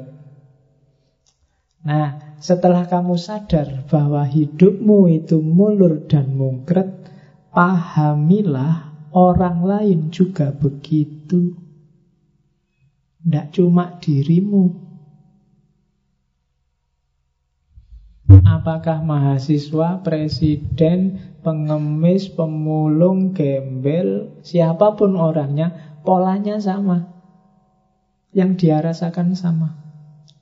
Mulur dan mungkretnya, senang dan susahnya. Yo yang beda mungkin hanya isinya. Ya kan? Kalau Abu Rizal Bakri dia baru seneng kalau bisa membeli perusahaan, kalau kamu mungkin baru seneng kalau bisa ada yang neraktir makan. Ya kan? Isinya yang beda, tapi seneng susahnya sama. Kamu lihat anak kecil-kecil minta-minta di jalan itu. Itu seneng luar biasa, misalnya tiba-tiba kamu kasih 10 ribu. Senengnya dia dikasih 10 ribu itu mungkin kayak kamu tiba-tiba ada orang ngasih kamu 1 juta sekarang. Oh, itu sudah wownya banyak, wow wow. Tiba-tiba dapat 1 juta gratisan. Loh, senengmu itu sama senengnya anak yang minta-minta tadi sama sebenarnya sama-sama senengnya. Mulur mungkritnya juga sama. Dia tadi asal dapat 10 ribu senang mungkin terus jadi mulur. Wah besok ke sini lagi ya, tak cari orang itu lagi mesti dikasih 10 ribu lagi. Kamu juga gitu kan, satu juta. Wah ini dia ngasih satu juta. Kenapa ya kok ngasih? Jangan-jangan seneng pada gua tak dekati lagi biar dikasih lagi. Mulur lagi. Loh mode seneng dan mungkretnya itu sama. Jadi setiap orang itu sebenarnya punya rasa yang sama. Siapa pun dia, dengan takarannya masing-masing. Jadi kesimpulannya apa? Tidak perlu iri. Juga tidak perlu sombong. Jadi hidup ini kamu nggak perlu marry aku, aku juga nggak perlu marry kamu. Kita senang dan susahnya sama. Kamu dapat gelas kecil, aku dapat gelas gede. Minumnya. Loh, tapi kan ukurannya beda. Aku ngomong terus dua jam, kamu cuma nongkrong di situ ketawa-ketawa. Kan beda levelnya. Jadi kita punya derajat kesenangan dan kesumpekan masing-masing. Jadi sama, tidak perlu iri juga tidak perlu sombong. Karena ya sama tadi ada kesenangan dan ketidaksenangannya masing-masing. Jadi rasanya sama. Manusia itu sama di level rasa. Oleh karena itu, itu ketika implikasi sosialnya. Jadi pengertian bahwa hidup ini mulur dan mungkret berarti berimplikasi sosial Jangan iri, jangan sombong Secara sosial Secara individual Maka tenanglah Tentramlah Jadi Tidak mungkin hidupmu itu seneng terus dan juga tidak mungkin susah terus. Kalau kamu bisa memahami dirimu sendiri. Selalu ada seneng, kemudian susah. Di balik susah, di situ ada seneng. Ada mulur, ada mungkretnya. Kamu tidak dapat pacar, sumpek, tapi alhamdulillah kamu bebas. Malam minggu bisa sakarepmu dewe ning ning di, tidak ada yang ganggu. HP-mu juga ngirit, nggak perlu habis biaya banyak, nggak perlu bolak-balik beli paket data. Ya kan di balik sumpah ada senang, di balik senang juga ada sumpah. Cuma yaitu kamu jomblo, yang lain seneng punya pacar, kamu tolah-toleh dewean. Ya kan, tidak senengnya di situ. Sakitnya tuh di sini kalau tidak punya. Ya, kalau punya pacar sakitnya di sana. Di sana itu di warung, di 21, di duitnya habis. Jadi dan nggak harus dipikir dalam tentram aja. Jadi setiap orang ternyata bodoh Tidak ada orang yang levelnya lebih tinggi darimu atau lebih rendah darimu. Dia menghayati hidupnya sesuai takarannya dan sama kayak kamu kadang seneng, kadang susah. Ketika kamu susah, biasa aja sebentar lagi akan lewat. Ketika kamu senang juga tidak harus terlalu hura-hura, sebentar lagi akan lewat. Jadi tidak ada yang selamanya. Hakikat hidup ini semuanya serba sementara, termasuk urusan rasa. Nah, kalau prinsip ini yang jadi pedoman, maka kita akan tentram. Rasa hidupmu akan nyaman. Kamu dapat apa saja santai. Alhamdulillah IP-nya 4 dan nyaman. Ini berarti sedang senang. Sebentar lagi mesti sumpek. Habis ini mau ke mana? Ah, kan itu mikirnya. Alhamdulillah bisa lulus meskipun pas-pasan. Ini ngapain lagi ya setelah lulus ini kan? Ada seneng, ada sumpek. Setelah itu pasti sumpek. Jadi babaknya hidup selalu begitu. Selalu habis A ya B, habis hitam ya putih. Dan ini sudah kalau di Surya Mentaram ya itulah rumus, rumusnya hidup. Nah, cuma hindarilah ini dengan bekal mulur mungkret dan seneng susah tadi, hindari neraka dunia. Katanya Surya Mentaram, nerakanya hidup. Kalau kamu punya empat karakter ini, pasti isinya susah terus, nggak ada senangnya. Hindari ini. Yang pertama apa? Meri, iri. Begitu kamu iri, hidupmu tiap hari neraka. Kamu merasa jelek dan kamu anggap temanmu cakep dan kamu iri, oh, itu wassalam sudah. Kamu tiap hari bisa tekanan batin itu. Karena kamu meri. Itu sudah neraka, sudah tiap hari. Jadi jangan meri dalam hal apa pun. Yang kedua, sombong. Merasa tinggi. Jangan salah, orang yang sombong itu juga neraka sendiri buat dirinya. Merasa tinggi, merasa lebih baik, merasa lebih benar, merasa lebih utama, itu dia susah diwe nanti hidupnya. Dia akan memposisikan dirinya untuk selalu kelihatan lebih baik, selalu kelihatan lebih tinggi, selalu kelihatan lebih utama.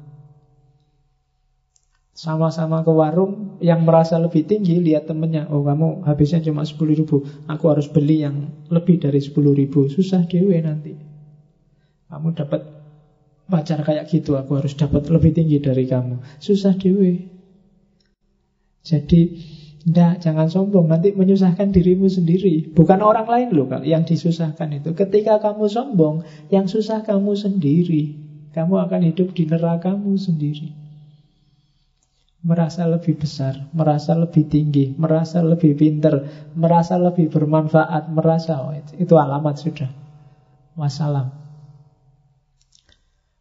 Jadi jangan pambegan, jangan sombong. Yang ketiga, Jangan getun. Getun itu kecewa. dengan yang sudah terjadi. Orang yang selalu meratapi masa lalu tidak akan bahagia. Coba kemarin begitu, coba kemarin begini, wassalam sudah. Kamu tidak akan bahagia. Dan yang keempat, sumelang. Sumelang itu khawatir. Menyesal terhadap masa lalu dan khawatir masa depan. Besok gimana ya? Yang akan datang kayak gimana ya? Bisa nggak ya aku? Mampu nggak ya aku? Alamat juga kamu akan hidup kayak di neraka dunia. Jangan marry Jangan sombong, jangan kecewa, dan jangan khawatir. Kalau kamu meri, sombong, getun, dan khawatir, sumelang, maka hidupmu tidak nyaman, kamu pasti nggak bahagia. Kamu akan hidup kayak di nerakanya dunia. Jadi ini rumus negatifnya itu. Oke. Terus yang empat hal itu kalau di rumusnya Surya Mentaram yang bikin tatu. Ras, raos tatu kalau raos ciloko. Merasa terluka dan merasa celaka. Ciloko menduung. Celaka yang berkelanjutan. Sebenarnya itu hanya rasamu. Raos. Terus ini ini teori panjangnya. Iri itu berarti merasa kalah terhadap orang lain, kalau sombong itu merasa menang terhadap orang lain. Iri itu kan merasa kalah. Tadi temanmu cakep, kamu tidak cakep. Itu kan kamu merasa kalah. Akhirnya iri. Orang yang iri itu pasti levelnya di bawah yang dia iri. Jadi iri berarti tanda levelmu lebih rendah dari yang kamu iri. Dan itu sengsara luar biasa. Jadi jangan iri. Sombong itu berarti kamu merasa menang. Merasa levelmu lebih tinggi dari yang lain. Dan itu bahaya. Karena kamu menyusahkan dirimu sendiri. Jangan dianggap yang di atas itu enak. Lebih enak dianggap orang miskin, dianggap orang jelek, dianggap orang daripada kamu dianggap anak soleh, dianggap anak baik, dianggap orang itu abot. Apalagi kamu merasa saya anak soleh loh, itu beban wis. Kamu ada atan harus ke masjid. Kalau Senin harus, eh, iya kan harus begitu. Salamu dewe, kamu merasa jadi anak soleh.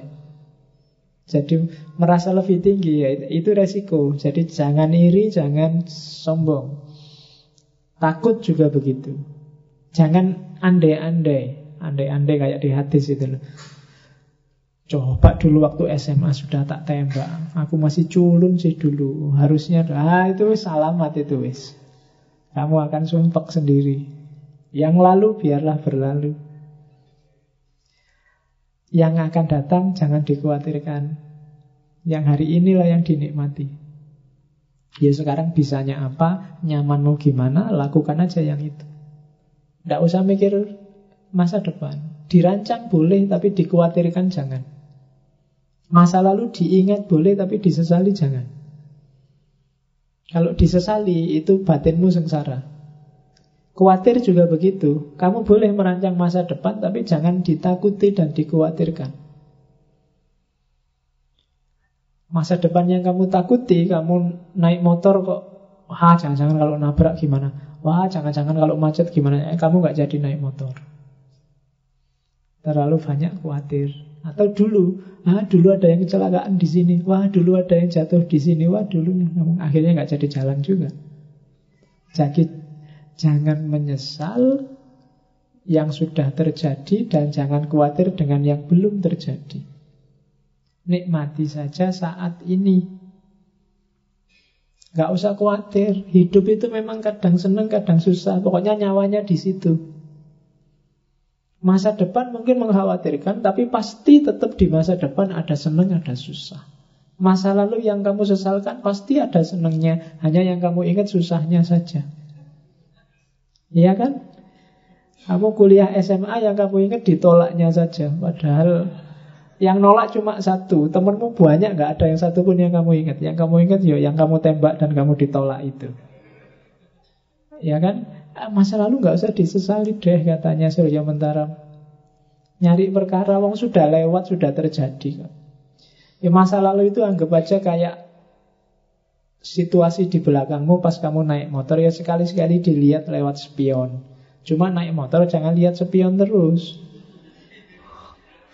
Ya, kalau kamu lihat spion terus bahaya malahan kan kamu khawatir lihat belakang terus. Lihatnya ke depan.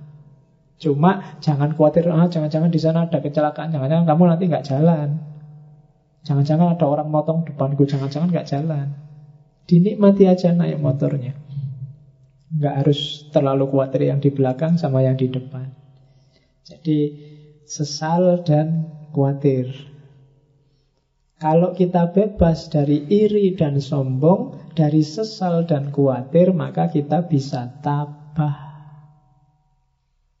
Bisa tatak kalau bahasanya Surya Mentara. Tatak itu tangguh. Kenapa orang jadi tangguh? Karena dia ngerti filosofinya hidup.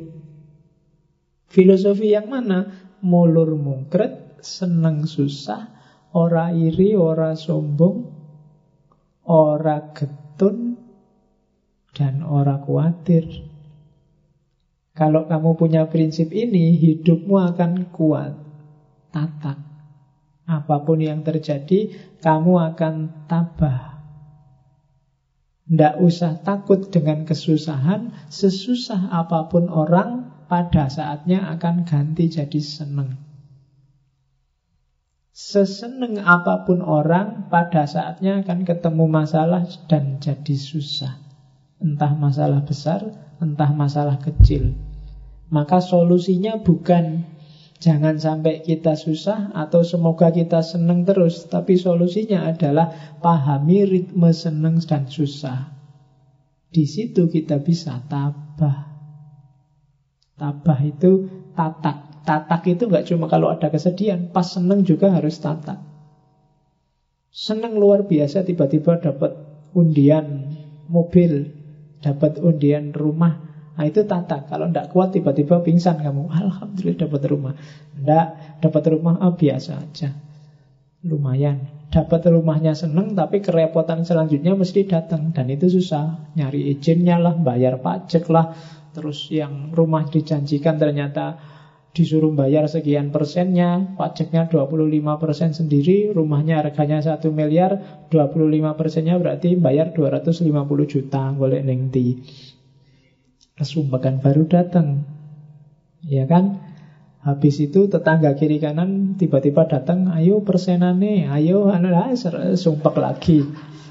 Ya kan? Loh, hidup itu kan selalu begitu. Jadi tabahlah, tataklah, baik dapat senang maupun dapat susah. Nah, untuk bisa semua tadi, kuncinya apa? Kenalilah dirimu, merui gagasane dewi. Ketahuilah dirimu. Jadi kayak tadi, tengganglah dirimu, kenali dirimu, kenali perasaanmu. Buang semua yang tidak penting. Buang semat, derajat, keramat, itu semua semu. Pahami keinginanmu, buang semua yang tidak penting, kenali dirimu. Kalau kamu sudah kenal dirimu dan semua atribut yang tidak penting lewat, kamu akan jadi menungso tanpa tenger kalau bahasanya Surya Mentara. Manusia tanpa ciri. Jadi kamu bebas dari semua ikatan yang membelenggumu selama ini. Baik ikatan seneng susah maupun ikatan semat, derajat, dan keramat. Nyari harta ya karena kita butuh hidup, butuh fisik, tapi tidak tertipu dan terjerumus dalam semat. Nyari ilmu, nyari kemuliaan, iya, tapi tidak tergila-gila oleh derajat. Nyari status, nyari pangkat, iya, tapi tidak terpesona oleh keramat. Itu anggap aja baju yang sewaktu-waktu bisa ditanggalkan dan tidak penting. Toh tidak pakai baju kamu bisa hidup, asal nggak dilihat orang lain. Iya kan kalau dilihat orang lain yang jadi problem. Nah, kalau bisa kayak gitu, maka kamu adalah manusia tanpa tenger. Kenapa manusia tanpa tenger? Karena semua tenger yang melekat padamu itu sifatnya artifisial, tidak penting. Namamu kan juga cuma simbol saja. Semua gelarmu kan juga simbol. Apakah kamu mahasiswa, apakah kamu anak soleh, apakah kamu takmir, apakah kamu SAG, MAG, MSG. Eh, iya.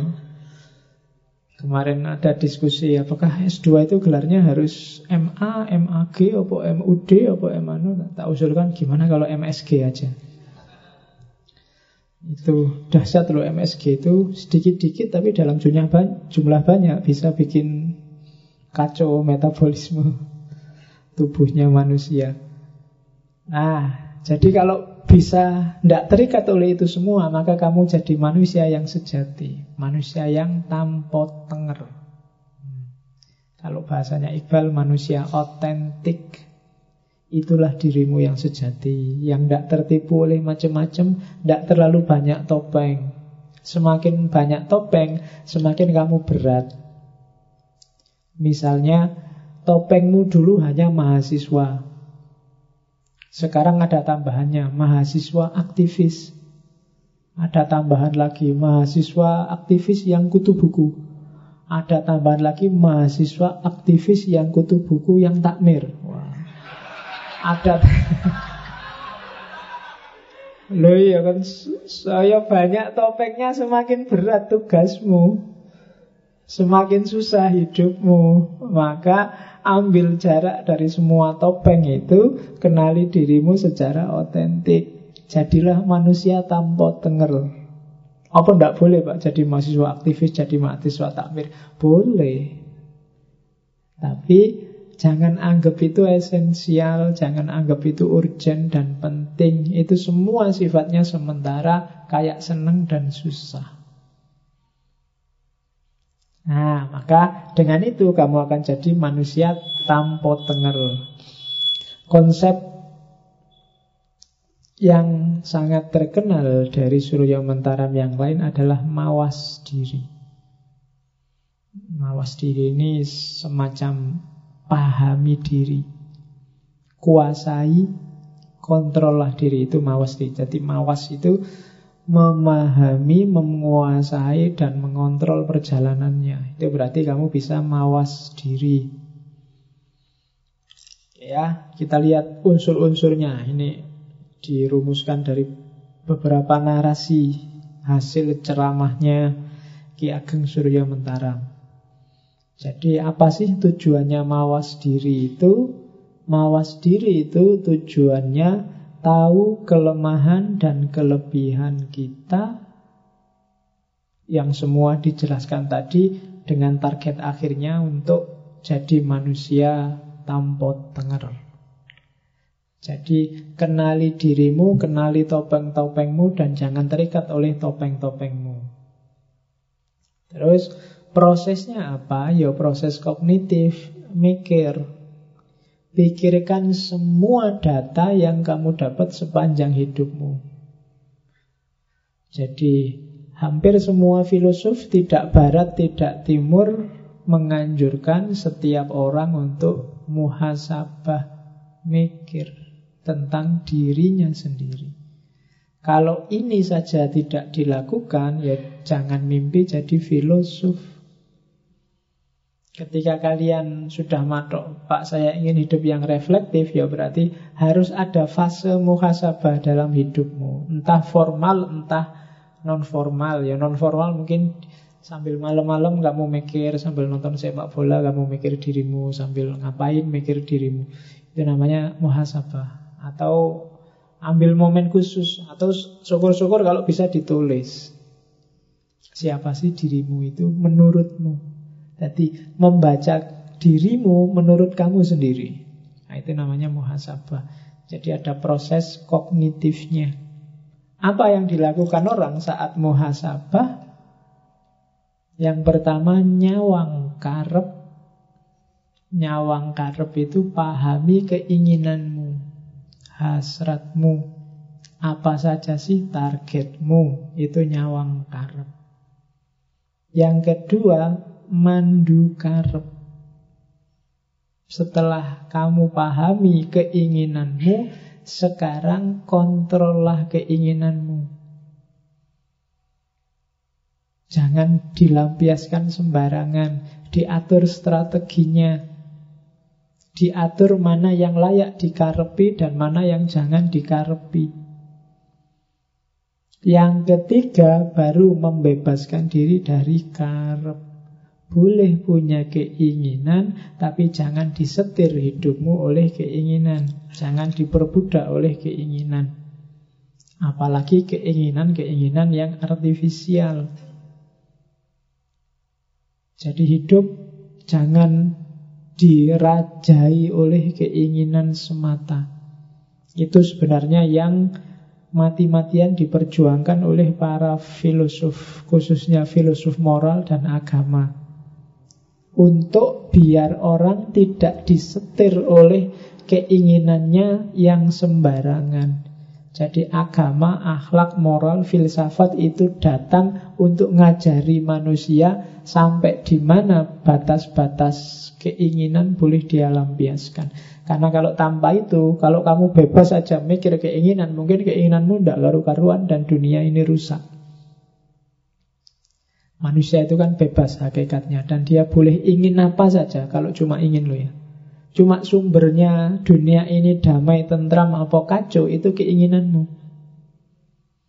Dari keinginan muncul perbuatan, maka pertama-tama kontrollah keinginan dan jangan diperbudak oleh keinginan. Itu mawas diri. Dan dari situlah, yaitu bahasanya strategi, orang akan naik kelas, naik level ada gradasinya untuk menuju manusia yang tanpa ciri tadi. Gradasi pertama kalau istilahnya Surya Mentaram, manusia paling awal itu juru catat. Juru catat itu kalau bahasanya Mula Sadra para filosof muslim biasanya juru catat ini kayak tumbuhan. Jiwa tumbuhan bayi itu juru catat. Dikasih apa aja masuk kayak tumbuhan. Pasif cuma bisa menerima apa saja. Itu level manusia paling awal. Jadi kayak orang juru catat, juru catat itu didikte aja. Anak kecil balita itu kan didikte aja dia jalan sesuai pendikteannya. Naik makom kedua catatan. Catatan itu kayak jiwa binatang. Dia sudah mulai bisa menggunakan data yang masuk dalam dirinya. Ini bagian apa? Jadi mulai dipahami. Kalau tadi cuma nyatet, kalau sekarang dia sudah bisa memahami catatan. Mulai muncul hasrat, keinginan, mulai muncul cita-cita, mulai muncul itu level kedua. Level ketiga namanya krudomongso. Krudomongso itu makom jiwa yang diliputi oleh ego. Ini yang harus dipahami. Ego itu tidak tidak selalu jelek. Hasrat keinginan itu kan nggak selalu jelek. Cuma dia harus dikontrol, dipandu. Orang yang tidak bisa ngontrol dan mandu hasrat keinginannya dan dia disetir terus oleh ini, berarti dia ada di makom krodomongso. Makom egoistik dan puncaknya ketika dia bisa membebaskan diri dari egoismenya, dia akan jadi manusia tanpa diri.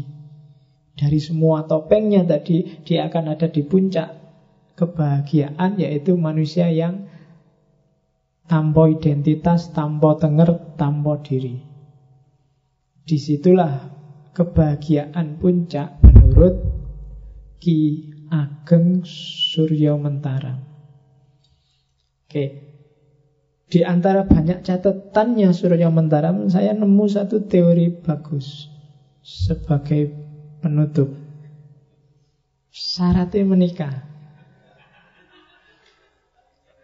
Itu Kalau kamu baca, iya, ketoknya lucu, tapi kalau kamu pikir itu dalam loh. Ya kan? Nomor siji, kamu menikah itu harus sama-sama manusianya. Ya kan? Itu penting karena kalau kamu, ya kamu nikah mungkin ya pasti sama manusia, tapi punya nggak dia watak kemanusiaan? Iya kan? Iya, jadi cari yang manusiawi. Punya karakter manusia, bukan punya karakter tumbuhan, punya karakter hewan, enggak. Cari yang punya karakter manusia. Ya. Terus yang kedua, cari yang sama-sama hidup. Maksudnya apa? Kalau kamu menikahi orang yang tidak bisa urip, maksudnya nggak punya hidup, nggak punya kehidupan, nggak punya gairah, nggak punya hasrat, nggak punya keinginan, nggak akan nyaman hidupmu. Cari yang masih punya api. Jangan nikah dengan orang yang putus asa, depresi, stres, nggak punya gairah hidup itu susah sendiri kamu nanti. Cari yang urip. Yang keempat, lanang karo wadon cari lawan jenis. Yang feminin nyarilah yang maskulin. Yang maskulin nyarilah yang feminin. Loh, ya itu tidak harus fisik laki-laki perempuan ini mungkin ngomongnya karakter. Kalau kamu feminin, laki-laki kadang juga jiwanya feminin.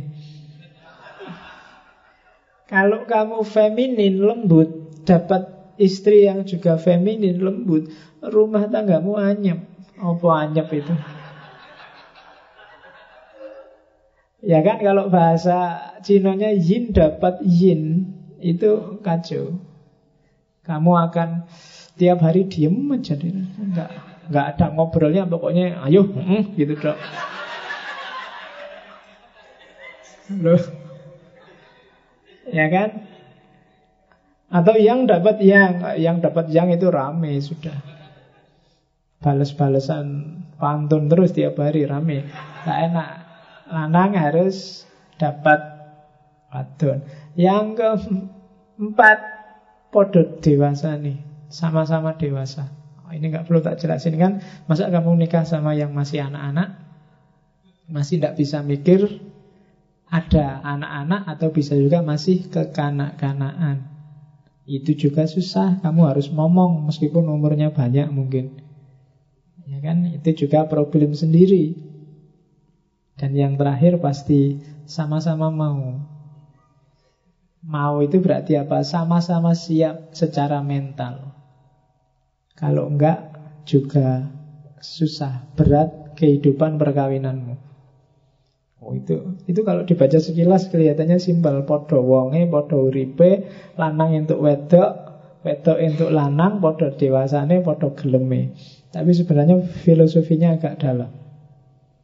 Itu syaratnya nikah. Selain itu, apakah perlu KUA, apakah harus siri, apakah itu jawabannya Surya Mentaram sak butuhe, sak perlune. Ya kan? sak cukupe. Kalau cukup teman sak kelas ya cukup, tidak apa-apa. Kalau cukup dengan seperangkat alat sholat ya tidak apa-apa. Kalau cukupnya seperangkat alat sekolah juga tidak apa-apa. Loh ya kan? Selain itu bisa dinego, cuma yang lima di atas itu carilah dengan standarmu sendiri, jangan dinego. Kamu nyari yang bukan manusia juga susah, yang satu nggak hidup juga susah, yang sesama jenis itu masalah ya kan baik lahir maupun batin yang masih kanak-kanak juga masalah yang tidak mau juga masalah jadi yang penting gelem dewasa lawan jenis urip podo menungsani nah itu syaratnya orang nikah. Selain itu standarnya subjektif. Sak butuhe sak perlune sak cukup. Oke, Alhamdulillah kita selesai dengan Ki Ageng Suryo Mentaram Kebahagiaan Silahkan diambil yang relevan untuk hidupmu masing-masing. Tidak harus diapalkan, tidak ada ujiannya. Jadi pakai aja yang menurutmu manfaat untuk hidupmu. Oke, filsafat lembut Gaya timur saya kira sudah. Minggu depan kita filsafat yang agak keras. Kita akan ngomong politik. Minggu depan saya awali dari filosof politik barat Thomas Hobbes Dia nulis satu buku yang luar biasa judulnya Leviathan Leviathan itu makhluk monster Yang itu simbolisme negara Seperti apa pikirannya Thomas Hobbes yang punya asumsi bahwa manusia itu adalah hakikatnya saling memangsa. Itu minggu depan. Minggu depannya lagi kita akan ngomong filosof filsafat nazismenya Hitler. Minggu depannya lagi kita ngomong ahkamus sultaniyahnya Al-Mawardi. Minggu depannya lagi kita akan ngomong marhenismenya Soekarno. Bagaimana gagasan-gagasan politik Bagi saya empat ini cara berpikir politik yang non-mainstream Yang mainstream sudah kita bahas di bagian awal dulu Ada sosialisme lah Ada yang lain-lain itu yang bisa kita bahas Hari ini kita ngomong yang non-mainstream Cara berpikir politik yang khas Termasuk Al-Mawardi yang banyak dikutip orang-orang yang ingin bikin khalifah, kekhalifahan. Jadi kita lihat seperti apa pikiran-pikiran politiknya. Setelah itu entah bulan depan kita ngomong apa lagi. Oke, saya akhiri sekian ngaji malam ini. Insya Allah ketemu lagi minggu depan. Kurang lebihnya mohon maaf. Walafu minkum. Wallahul muwafiq. Wallahu alam bisawab. Wassalamualaikum warahmatullahi wabarakatuh.